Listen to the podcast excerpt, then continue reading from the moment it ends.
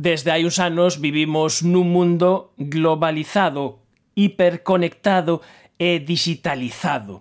O que adoitamos pensar é que esta digitalización leva consigo un aumento de democracia, de transparencia e de acceso á información en todo o mundo. Pero un artigo publicado en Science en 2016 di que se ollamos máis polo miúdo, a situación non é exactamente así. Como é esta situación, Suso? Pois, efectivamente, Manuel, eh, leva razón. Isto que acabas de mencionar é o que se denominan as a, a teoría da tecnoloxías da, das tecnoloxías da liberación, non?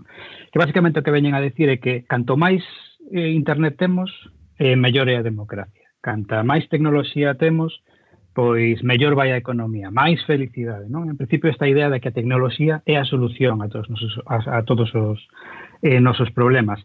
E mm, non cabe dúbida da, da utilidade da, da tecnoloxía e da digitalización, eh? eu creo que temos exemplos máis de abondo.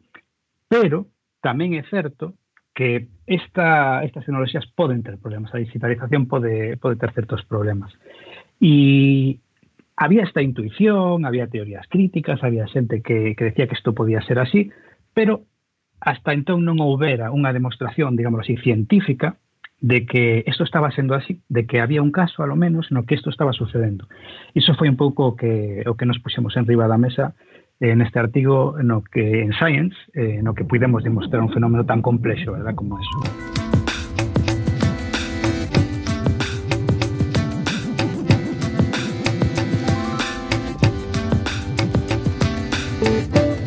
Suso Baleato A quen temos de convidado esta noite é investigador de postdoutoramento na Facultade de Ciencias Políticas da Universidade de Santiago e ademais é investigador asociado na Universidade de Harvard no Instituto para Ciencia Social Cuantitativa. E aquí hai unha palabra importante, ciencia social cuantitativa, que quere decir que investigando a sociedade e investigando os sistemas políticos empregades metodoloxía científica. E é o que fixestes neste paper de 2016 que como analizastes se había equidade na conexión a internet De onde sacastes eses datos? Claro, efectivamente, que eso é o difícil, efectivamente. Como ben comentas, é, é, é unha, unha tendencia que está vendo no ámbito das ciencias sociais agora, eh, no ámbito do pensamento, do análise social, no que se busca, eh, pois, de alguma maneira, mm, facer eh, científico ese traballo, é dicir, un traballo que ten que ser verificable, que ten que ser falsable, verdade? Eh, e iso implica, en certa medida, que sexa cuantificable. Para iso hai que medir os fenómenos que se queren observar no, ámbito, no caso das ciencias sociais, en todo aquilo que concerne ao ser humano, ás sociedades humanas. Isto é moi difícil, porque sempre hai cuestións de interpretación, hai eh, ideoloxías, etc. Entón, nos o que fixemos foi formalizar este problema centrándonos no feito de que eh, para avaliar os efectos políticos eh, da digitalización, o que hai que ter en conta en primeiro lugar é que non hai digitalización sen conectividade. Entón, o primeiro que fomos a ver é avaliar os niveis de conectividade. Se, che quitan a, a conexión a internet, xa non tes acceso a todo o demais. Non podes conectarte ás redes sociais, non podes pedir cita eh, no médico, non podes ter teleformación. Entón, o, o que fomos a ver foi eso. Ese, digamos, é a medida forte, a medida dura que, que, da que nos pode falar do, que nos pode falar da, do fenómeno da digitalización. Así que o que fixemos foi avaliar, ver en que medida eh, eh, a, había fenómenos de, de, de, de, desigualdades ou de discriminación ou eh, variación na, na, na distribución da conectividade e queríamos facer un análisis global porque non queríamoslo facer solamente nun país ou nunha determinada cultura queríamoslo facer en todos os países tanto se si eran democráticos como se si non e necesitamos, necesitábamos ademais ver esa conectividade debaixo dos países, porque dentro dun mesmo país pode haber variacións nos niveis de conectividade, verdade? Entón, eh, non só eso, queríamos tamén ver esa, esa variación ao largo do tempo, porque a conectividade evoluciona ao largo do tempo. E claro, como, como obtemos esos datos? Bueno, pois esta é un pouco a, a, a innovación metodolóxica eh, que na que a mí me tocou traballar, eh, en un equipo, verdade? Porque a ciencia se fai sempre en equipo, eh, eh, bueno, pues con equipo da Universidade de Zurich, da Universidade de California San Diego, en fin, a, por suposto, a Universidade de Constance en Alemania, eh, a miña propia colaboración, claro está, e, e o que fixemos foi desenvolver un método que o que sirve para observar a conectividade en calquera parte do planeta como si fora un, un satélite, como si fora un, un, un telescopio que está nun satélite que nos permite facer zoom en calquera parte do planeta e medir a conectividade en ese punto determinado coa vantaxe ademais de que teñamos datos históricos, entón podíamos ir hacia o pasado. Entonces podíamos ver como a conectividade foi evolucionando eh, dende o ano 2004, que eran os primeiros datos eh, que tiñamos nós ao largo do tempo, e como podían, eh, como variaban ao largo do, do territorio, incluso en rexións remotas, en países en guerra, donde non tes agencias estadísticas, non tes operadores de telecomunicacións que checen esos datos. Pois isto foi un pouco que, o que demostramos e, bueno, pois, aplicación de análisis espacial e unha serie de técnicas que, que bueno, están descritas no paper. E esta, eu coido sí. que esta aproximación eh, é o que fixo que pudesedes eh, publicar eh, eh, en Science e, e, e tamén os resultados porque eh, eh, dis que mirastes eh, nos países eh, con un grado de detalle importante e foi aí cando cando analizaste se, se os diferentes colectivos, as diferentes etnias tiñan a diferente conectividade e é onde tamén é un dos puntos importantes que aprendistes neste traballo. Sí, efectivamente, as conclusións eran moi claras. Aí o podemos detectar que os grupos que, que estaban excluídos do poder, é dicir, que non participaban eh, no goberno de, do, do país ao que pertencían, eh, obtiñan pois, a, aproximadamente un 40% menos de conectividade e ademais veíamos que había tiña unha propensión maior a, a non estar conectados, é dicir, a non ter conexión en absoluto Eh, veíamos ademais que o efecto se incrementaba no caso de, de, de países autocráticos, verdade? E, e, e fixemos este análise que se o interesante desde o punto de vista estadístico eliminando calquera tipo de posibles eh, eh confounders, non? Eh, posibles variables que estuveran eh, eh, afectando ao resultado e que non foran a, a conectividade ou efecto político en sí mesmo.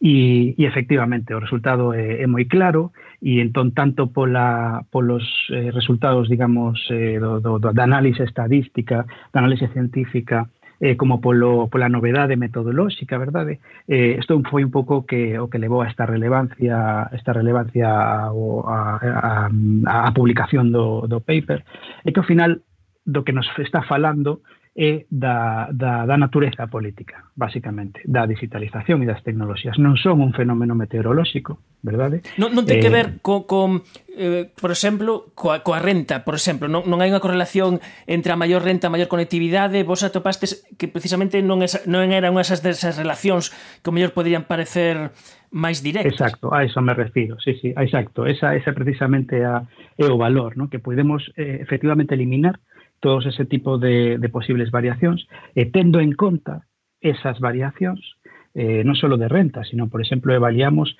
proximidade a, a, a estradas ou avaliamos distancia da capital, porque ao mellor os grupos máis alonxados, pois, por suposto, como están máis alonxados, bueno, pois non, non se trata de eso. Se trata de o nivel de acceso dos grupos a, a, ao goberno, a esa unidade política na que están eh, o que se ve é iso. E, ten certo sentido, porque se imaginemos nun país eh, autocrático no que hai un conflicto con grupos étnicos diversos, unhos grupos están dentro do poder, outros grupos non están do poder, e é certo que a tecnoloxía que Internet che dá acceso a información, che dá eh, mellor economía, etcétera, Se ti estás no poder, non vas a querer que o grupo contrario eh, teña acceso a esos beneficios, ou, visto de outra maneira, vas a preferir darlle esos beneficios aos que son máis partidarios eh, da túa posición, os que, cos, cos que compartes religión, cos que compartes ideoloxía, en fin, Eh, bueno, pues isto que, que, intuitivamente parece razonable, pues nos conseguimos eh, demostrarlo, de alguna maneira, con estos datos, eh, eh de unha maneira que é pues, verificable, que outros científicos poden avaliar, poden testar e que, eh, como en todo na ciencia, non é verdade, nin é mentira, senón que é eso, falsable, é verificable. Ajá. E iso é o importante. A partir de aí, eh, construir coñecemento e entender mellor eh, a realidade na que estamos para axudar a mellorar, claro. Temos que, que dicir que eu coido que é a primeira vez eh, nestes na tempor... xa estamos na temporada 13 de efervesciencia que entrevistamos a un investigador en ciencias políticas eh, neste programa. Eh, e, e alegrome moito que, que, que sexas ti, porque temos que dicir que ese eh, ese traballo en Science, é o primeiro traballo en Science eh, publicado por un investigador español precisamente na túa área de coñecemento que son as ciencias políticas, no que o mellor indica que, que existe unha mm, eh, como unha nova corrente na, na, na, nestas disciplinas eh, sociais empírica eh, baseada eh, en, en traballar con datos, non? Efectivamente, a verdade é que é, é un artigo importante este este de Science, este foi un logro moi importante. Eh, eh, para mí personalmente, non? Porque o feito de, de ver que eh, dende Galicia se pode facer ciencia, se pode facer ciencia a, a ese nivel, lograr a publicar en, en, en un xornal do, do prestixio, do, do recoñecemento de Sainz, eh, é reconfortante, non? Eh, eh, en fin, é unha cousa que, que, que é agradable de ver, lóxicamente con todo ese esforzo, pero ademais de iso, é o valor engadido, o mérito de conseguir que unha, unha publicación, un área que, que tradicionalmente concentra eh, coñecemento do, de outras áreas, da, das ciencias naturais, da, da, da, das enxeñerías, física, etc., eh, de repente presta atención a algo así o considera eh, non só suficientemente relevante, sino eh, da calidade eh, que se require para, para poder publicar aí eh, que o feito das, de, de que un artigo de ciencias sociais entre aí é moi positivo, é super positivo, porque eh, eh, non só significa un recoñecemento de alguna maneira desa madurez que as ciencias sociais están adquirindo, eh, pois basicamente despois desta evolución que houve, non? Despois dende despois da, da Segunda Guerra Mundial hacia cuantificación, hacia a análise empírica, sino tamén que en xeral o mundo da ciencia eh, natural, eh, está empezando a ver a importancia non? De, de poder avaliar de forma científica e analizar de forma científica as cuestións que nos afectan a todos como sociedade, eh, a todos a, a, a xente humana. Non? É unha evolución moi interesante porque eh, que é un tema moi divertido porque si, si te fixas en moitas eh, discusións eh, a, a, a politoloxía en concreto, eh, outras ciencias sociais, eh, hai xente que, que se ríe moito, non? que dice que isto non é ciencia, non? E claro, isto, isto a verdade é moi divertido porque... Ah, sí, dime, dime.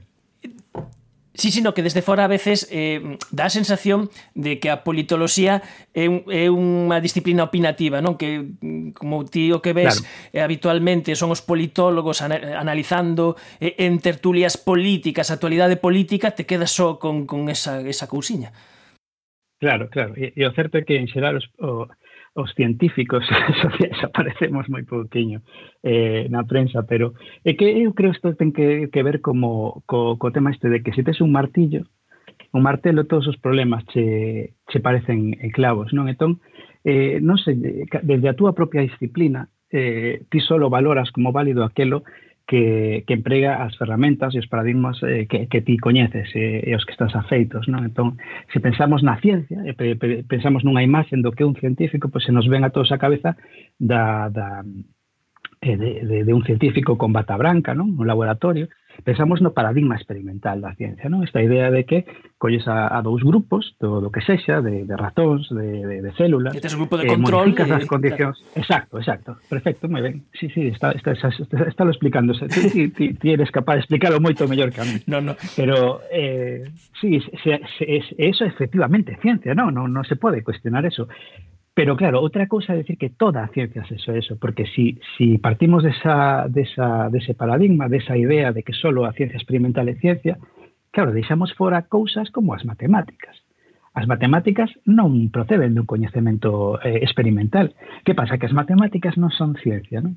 Todas estas discusións son super, super interesantes e super eh, divertidas porque Ao final ao que chegamos é que, en primeiro lugar, a ciencia é unha categoría da filosofía, porque é unha epistemoloxía é unha forma de coñecer a realidade, e o que une a todas as ciencias, independentemente do método eh, que apliquen, son dúas cousas. Unha, teñen que ser verificáveis, eh, eh, o que se publica ten que poder ser avaliado por, por outros eh, científicos, e eh, teñen que ser falsables. É dicir, eso que se afirma, eso que se dice, teñen, ten que ser eh, eh, poder ser demostrado a contra. É dicir, ten que ter esa, esa capacidade, que é o que distingue a ciencia de as religións, por exemplo, ou das teorías da conspiración e outro tipo de coñecemento que tamén teñen o seu valor, pero que non son coñecemento científico. Bueno, valor ou o seu rol na sociedade, máis que valor en determinados casos. Efectivamente.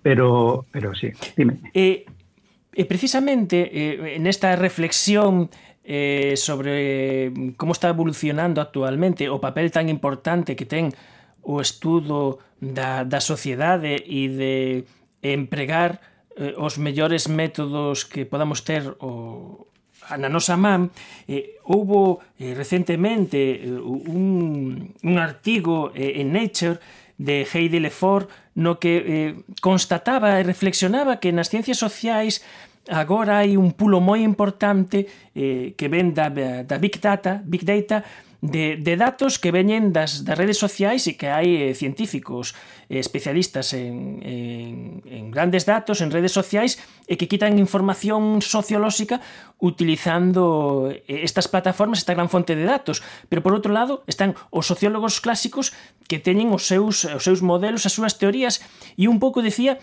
que había como unha especie de enfrontamento entre estas, eh, estes, estas dúas aproximacións porque Os científicos de Big Data descoñecían totalmente todo o que se progresou nas últimas décadas en socioloxía e que os mm, sociólogos, estudiosos da sociedade, pois un, un pouco estaba un pouco alonxados destas novas metodoloxías e que, bueno, que había como unha pequena revolución interna. Non sei como vestí e onde te sitúas. Sí, está súper divertido esto. Ves que se dice que a ciencia é unha cousa aburrida e tal, que va, está chea de cousas estas como esta que estás eh, comentando ahora. Son súper interesantes e súper divertidas. Mira, eh, efectivamente, que a ciencia social eh, como decía antes, en los anos 50 aproximadamente, eh, comeza a, a, a, a importar, a aplicar eh, métodos de outras ciencias, verdad? Eh, o caso coñecido, por exemplo, é da teoría de xogos, non? Esas eh, formalizacións matemáticas de eh, problemas de decisión, basicamente. Que é o que facemos os humanos, non? Entón, empezan a, a aplicarse este tipo de, de, de, de, de mecanismos, de ferramentas, eh, para poder eh, resolver ou entender mellor ou investigar, estudar o que veñen sendo os problemas pois eh, da, da, da sociedade, non? Alguns pois moi antigos, dende a antigüedade, sin, sin ser resoltos, tema da racionalidade, as emocións, e outros pois máis novos. Isto incorporou esas ferramentas de matematización, de formalización matemática, incorporou ferramentas de análise estatística e, claro, según foi avanzando o proceso da digitalización, se foron reducindo os costes de computación e foi empezou a ser posible aplicar ese tipo de técnicas de computación eh, para o modelado de, de, de, de fenómenos, análise estatística, isto continúa evolucionando ata que hoxe en día chegamos a este momento no que se fala do Big Data, os, ma, os ma, macrodatos, non? Eh, eh, a inteligencia artificial e todo demais. E isto en que deriva? Vamos a ver, en, en, no ámbito da ciencia generalmente o que se fai é se parte de unha teoría mm, que ti formulas, eh, que, que, a, que a, a formalizas en forma de hipóteses, sobre o que sexa e avalías esas hipóteses, avalíalas eh, cuantitativamente, empíricamente, eh, estadísticamente, por exemplo, se aplican esa, esas técnicas. Eh, en función dos resultados que che dá esa, esa proba empírica que fas, eh, bueno, pois pues, tes unha indicación de si uh, esa teoría eh, que ti estás formulando ten un sentido ou non. E poden ser teorías sobre o funcionamento das células, poden ser teorías sobre ah, os astros, eh, as forzas, en fin, eh, pero tamén sobre, sobre o comportamento humano, verdade? E que sucede? Que con esta, este, este, esta disponibilidade masiva de datos que empezamos a ter co, co, co digitalización, con a adopción masiva de Internet, pensamos nos datos das redes sociais, por exemplo, eh, pero tamén datos de tomografía, datos de todo tipo, de repente o que nos empecemos a encontrar foi que as ferramentas de análise que tiñamos eran tan sofisticadas que nos permitían olvidarnos da teoría e simplemente aplicar esas análises directamente aos datos de maneira que podíamos extraer patróns, patróns informacionais representados por esos datos que a súa vez podían ser conectados con esas teorías. Pero fíxate a diferencia. En vez de partir dunha teoría, establecer unhas hipóteses, definir as nosas medidas, operacionalizalas, tomar esas medidas, asegurándonos de que non hai sesgos, de que non hai ruido, de que o instrumento non afecta a medición, nos olvidamos de todo eso e vamos directamente aos datos e comezamos a analizarlos e empezamos a extraer cousas. E efectivamente, é unha aproximación moi interesante porque nos dá resultados superútiles, superinteresantes, pero ten problemas tamén. E ten problemas precisamente relacionados coa eh, falta de aplicación do método científico. E que, como decíamos antes, temos que operacionalizar esos datos. Generalmente o que facemos é definir os datos que queremos eh, medir. E aquí partimos de datos que outros produciron. Eh, os datos que se extraen, por exemplo, de redes sociais non foron producidos para realizar ciencia. Foron producidos para Mm, bueno, pues para modelos de negocio, foron producidos para facilitar a comunicación da xente, foron producidos para moitas cousas, pero non foron pensados para que os científicos analicemos o, o, o comportamento humano, e o mesmo pois con, con outros eh, con outro tipo de datos, non? E aí é cando empezamos a ter problemas. Problemas típicos que temos aquí, pues todos que teñen que ver coa inteligencia artificial. Esos desenvolvementos que son absolutamente fascinantes, que nos permiten aplicar este tipo de, técnicas, ¿no? as técnicas de, machine learning. Isto sería eh, aprendizaxe automatizado, verdad? En galego pois nos permiten obter este tipo de datos e obter aplicacións que nos permiten identificar cousas, facer tarefas que para un ser humano ou incluso para equipos de seres humanos serían absolutamente impensables, pero que como traballan datos que non foron definidos previamente para a ciencia, eh, adolecen de sesgos e de problemas que levan a que, por exemplo, pois mira, eh, exemplos concretos, eh, isto acordarase ao mellor moita xente, estas ferramentas que sirven para eh, etiquetar eh, fotos, Vale, eh, imágenes. Entonces, eh, se pueden decir, pues esta persona está feliz o, o, esta persona es tal persona. Ah, pueden ser, servir para identificarlos, pero también se pueden identificar, por ejemplo, a su racialidad, ¿no? a su etnicidad, eh, a su etnicidad, eh, o color de piel, o, en fin, otro tipo de, cosas. Y sucedía que este, había algoritmos de, de, reconocimiento facial automatizado que cuando se empiezan a probar se, se, se encontra que eh, as persoas eh, de, de procedencia africana, como tiñan a pel máis oscura, as catalogaba como gorilas. Ou, por exemplo, sistemas de aprendizaxe automático que se utilizan en sistemas de selección de personal, que de repente, cando se empezan a probar, se descubre que están discriminando sistemáticamente as mulleres. Por qué? Pois porque os datos que se teñen de management de xestión se refiren basicamente a homes e, por tanto, discriminaban de forma automática as mulleres. E así hai moitos exemplos, ou por exemplo, mira, este Sí, sí, este este este moi moi moi significativo que en Estados Unidos tocome el eh, vivir durante uns anos, claro, eh, eh, no, no ámbito judicial empréganse algoritmos que sirven para clasificar o risco de reincidencia mm, de, eh, en ámbitos de delincuencia. Entón, isto axuda aos xuices que xa generalmente están sobrecargados de traballo, a decidir máis rapidamente si envía a cárcel ou non a persona que ten diante. Vale? Entón, eh, en principio, isto efectivamente podía axudar a descongestionar, por exemplo, o traballo do, da, do, do ámbito judicial, pero se encontraron con que eh, a aplicación destos algoritmos de forma sistemática estaba enviando a cárcel de forma eh, maior a xente de orixen latina, a xente de orixen africana, eh, eh, e non se sabía por qué. E, ao analizar esos datos, o que se viu foi pois, que efectivamente, posto que estaban eh, entrenados esos algoritmos en base ás bases de datos existentes, non foran bases de datos de, eh, diseñadas para análisis científicos, senón eran reportes policiais, etcétera, que evidentemente eh, reportaban máis datos de criminalidade para esas etnias, para esos eh, grupos demográficos, eh, que para outros grupos demográficos. Entón, De aí é onde xurden os problemas. Non é que estas ferramentas non se sean útiles, senón que se si facemos unha ciencia sin teoría, ao que podemos chegar é a este tipo de problemas. Non? Podemoslo resumir en que non hai nada máis práctico que unha boa teoría. Sí, porque, claro, hai, hai unha amplificación dos, dos sesgos. De feito, por exemplo, en outras, xa que estamos aí comparando a diferentes ramas de coñecemento, en bioestatística hai unha especie de, de chiste eh, que, que ten que ver co feito que ti si deseñas unha investigación biomédica, eh, os resultados que, que, que tiras ao analizar unha poboación teñen que ser eh, resultados que estean no teu diseño experimental. E se si ves eh, un efecto que non, eh, que non se pensou no deseño experimental, eh, eses datos son moi provisionais e terías que montar un novo estudio para analizalo. E, de feito, o, o, o chiste está en que, desde o punto de vista biostatístico, Cristóbal Colón eh, eh, non descubriu América hasta que chegou a segunda vez porque no seu deseño experimental non estaba a descubrir América, senón ir ás Indias.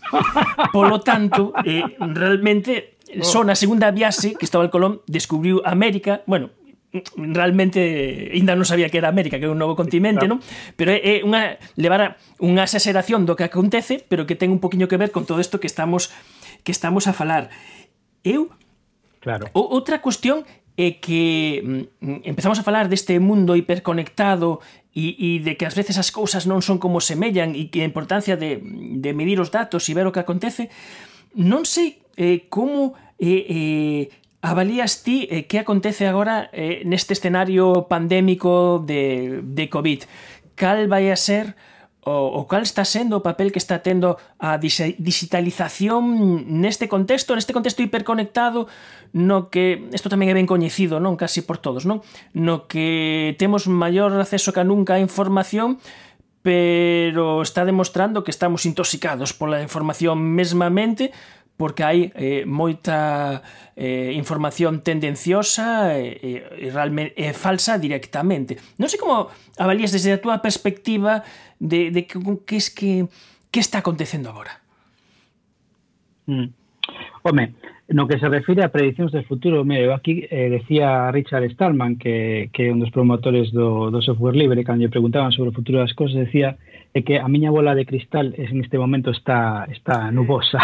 Efectivamente. entón, eh, eu sempre procuro procuro procuro non non non podemos, estamos falando de a fin de contas de comportamento humano, o comportamento humano e incluso máis difícil de predecir que que que fenómenos, pois por exemplo, da teoría de caos, no que eh, de, sabes que, que, que según con, configures as condicións iniciais vas ter despois resultados distintos eh, máis que predecir, eu creo que sí que podemos facer e constatar que o que está habendo é unha aceleración do proceso da, da digitalización. A cuestión da, da, dos confinamentos, por exemplo, ao que nos está levando é a unha maior eh, dependencia ou está dándolle unha maior utilidade, un maior valor ás ferramentas eh, de comunicación digital, non?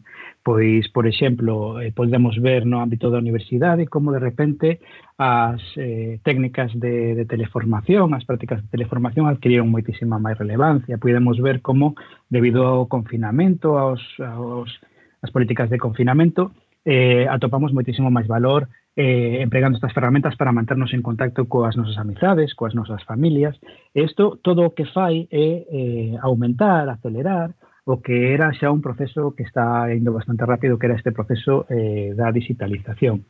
Entón, bueno, pois eu partindo do, do, dos resultados que, que, que da miña investigación, o que, o que, o que vexo é que a digitalización é un fenómeno político, e, por tanto, e que é un, un fenómeno dual, é dicir, pode ter eh, efectos positivos, evidentemente, e tamén ten pode, pode ter efectos eh, problemáticos, non? Pois como esta di discriminación digital que nos podemos eh, demostrar, pero imaginémonos no caso de Galicia a, aos alumnos das universidades que ao mellor están en zonas eh, con menor conectividade teñen máis dificultade ao mellor para poder acceder eh, aos alumnos. Isto pode levar a, a, un fenómeno de novo de, discriminación, de, de, desigualdades, verdad? Estas desigualdades se poden se poden eh, enfatizar.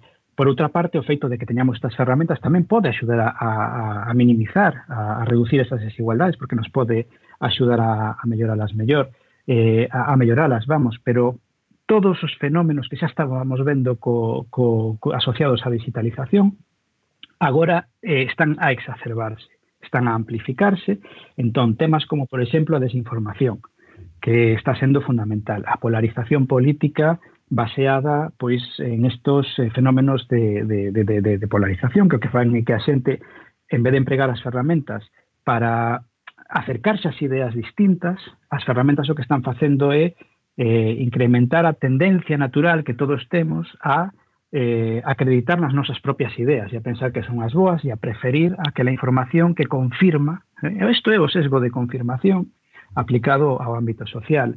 Hai eh, riscos tamén no que ten que ver cos temas de, de privacidade. Isto é un tema do que non se fala moito e é fundamental, porque eh, como os politólogos e, e, e os teóricos da filosofía política eh, teñen demostrado e amosado, as sociedades democráticas baseanse neso, baseanse na posibilidade de escoller, na posibilidade de elixir. Pasa o mesmo, por exemplo, coas sociedades de mercado, co capitalismo e, e demais.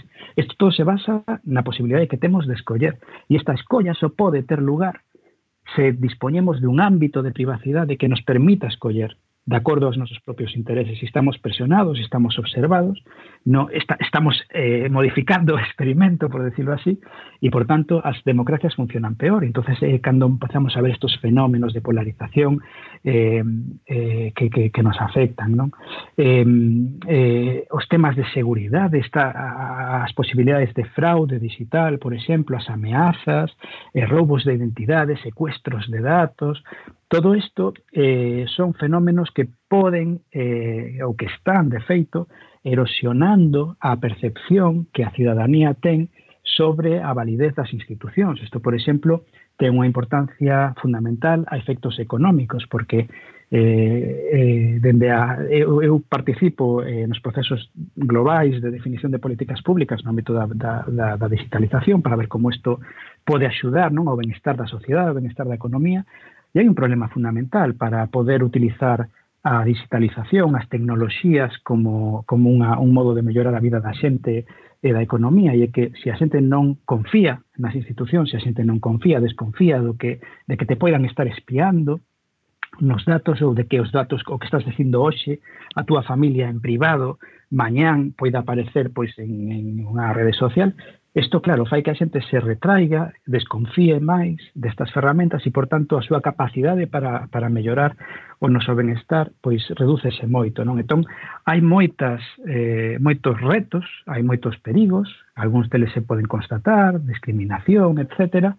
Pero hai tamén eh, eh, moitísimas potencialidades, eh, cousas boas que a digitalización nos trae, que, que, que eu creo que podemos aproveitar. E ao final, pois como xa podemos ver a digitalización, a tecnoloxía, son fenómenos políticos, dependen do que nos fagamos, dependen das decisións que nos tomemos, dependen de que eh, tomemos parte activa no proceso eh, social, que expresemos as nosas opinións eh, e que colaboremos para que aquelas eh, opcións que poidan estar máis de acordo co que é o noso ideal, a nosa moralidade, a, o que pensamos que é mellor, eh, pois eh, poidan eh, materializarse. Non? Ademais, acabamos de ter unhas eleccións agora en, en Galicia eh, que demostran pois, que efectivamente esos procesos existen. Non?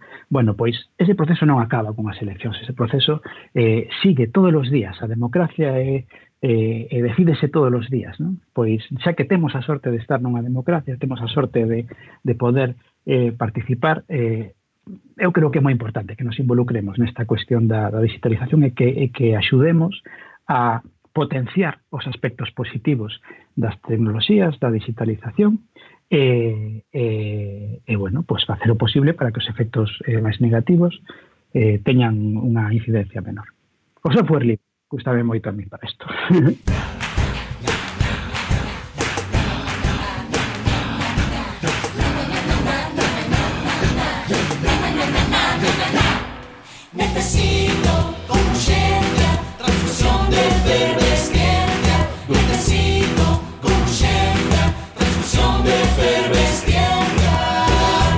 estamos vendo, eh, bueno, cal escoitando o que nos contas, cal é un dos papéis que pode ter neste mundo globalizado a, a ciencia política. Non temos tempo para máis, pero eu, antes de despedirmonos, quería contar eh, unha anécdota, unha anécdota destas que nos retrotrae a, a 2008 que foi a primeira vez que coñecín a Suso Baleato, que coñecín como ointe de efervesciencia porque en 2008 fixemos a nosa primeir, o noso primeiro programa en exteriores, a primeira saída de efervesciencia, logo encantounos isto de sair, elevarnos os nosos micros fora, que fora na FNAC, un programa que, que metíamos e que cando saí ese programa, ese gravámoslo na FNAC, foi eh, un programa no que participou eh, por primeira vez, tivemos por aí a Suso Mariño, a Castro Ribadulla, a César Goldi por primeira vez que o tivemos por aí, e resulta que sí. cando se estaba emitindo ese programa e Suso Baleato no seu receptor vía que non se escoitaba ben. E, e, e fixo unha cousa activa que foi moverse chamar a Retegal, chamar o control central da, da Radio Galega a todos os sitios e gracias a eso solucionouse ese problema que tiñamos un problema de emisión que estaba a contrafase o noso audio e foi Suso Baleato que, que chamou. Creo que chegaste a chamar hasta control central. Pois pues non, non recordo os detalles, pero bueno, sí, eh, eh cadrame. non recordaba a anécdota, Manuel. Pois... Pues... Pero sí, bueno, que... Sí. sí, sí, sí, no, eu acordo, eu acordo eh, moi gratamente, eh, eu me acordo que, bueno, que, que, que logo estiveras en Efervesciencia falando eh, do, dos, no, daquela na túa carreira profesional que estaba orientada eh, polos, polos eidos tamén daquela novedosos do, do software libre e, e, e foi logo sí, unha sorpresa ahora reencontrarte e, e ver eh, que eh, toda esta trayectoria académica de asesor de institucións internacionais, de estudioso de ciencia política, de digitalización, e a verdade é que tiñamos moitas ganas de contar eh, todas estas cousas eh, en efervesciencia, eh, co cal, pois nada, eh, encantadísimos de poder ter falado con Suso Baleato, que é eh, investigador de postdoutoramento na Facultade de Ciencias Políticas na USC, tamén eh, investigador asociado en Harvard, eh, e, e unha última cousa, agora que, que sí. o lembro, vendo o teu, o teu currículum, hai tamén unha liña que di que dice por aí que o primeiro blog europeo é teu. Ai, sí, isto fora cando fora o tema dos blogs hai un, unha, uns anos, unhas décadas incluso, houbera xente que se dedicara a, a, a facer unha especie de arqueoloxía do, dos, dos blogs eh, e eh, efectivamente eh, o que eu comezara que comezara precisamente como un tema de software libre e por aquelo de, de probar a utilidade do software para, para darlle utilidade para, para o galego? Para, que a digitalización pudera servir tamén para Galicia, para, que a cultura nosa pois, tuvera novos eh, camiños de desenvolverse. E estuvera probando esas tecnoloxías e, eh, eh, eh, sí, desde desenvolver a un pequeno software, un script eh, en Perl, que, que o fixera con investigadora tamén da Universidade de Santiago, Susana eh, Sotelo, que de feito foi ela que me introduciu neste mundo todo da ciencia e, e do software libre, e, eh, efectivamente con aquel script eh, fixera, bueno, pois era un blog, era un blog de, de traballo que facía en galego, e o puxeran varios idiomas e comezar a experimentar. A verdade é que non era nada consciente do que estaban facendo, porque claro, non, non sabía que eso se iba a convertir en un fenómeno o tema dos blogs. E, e efectivamente, sí, sí, é certo, é certo que, que, que isto foi nos, noven, nos 90, no 97, unha cousa así. Sí, sí.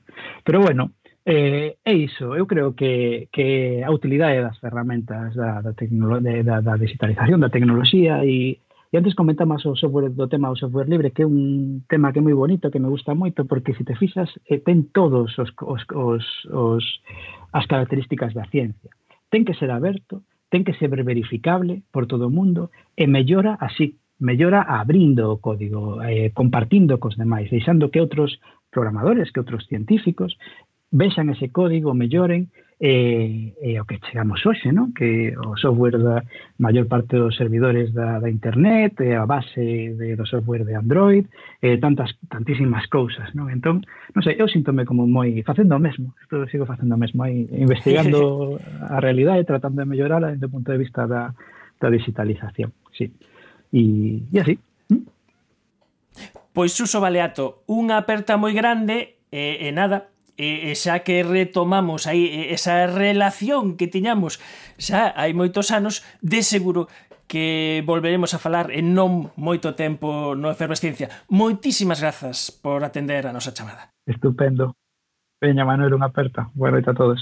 Efervesciencia.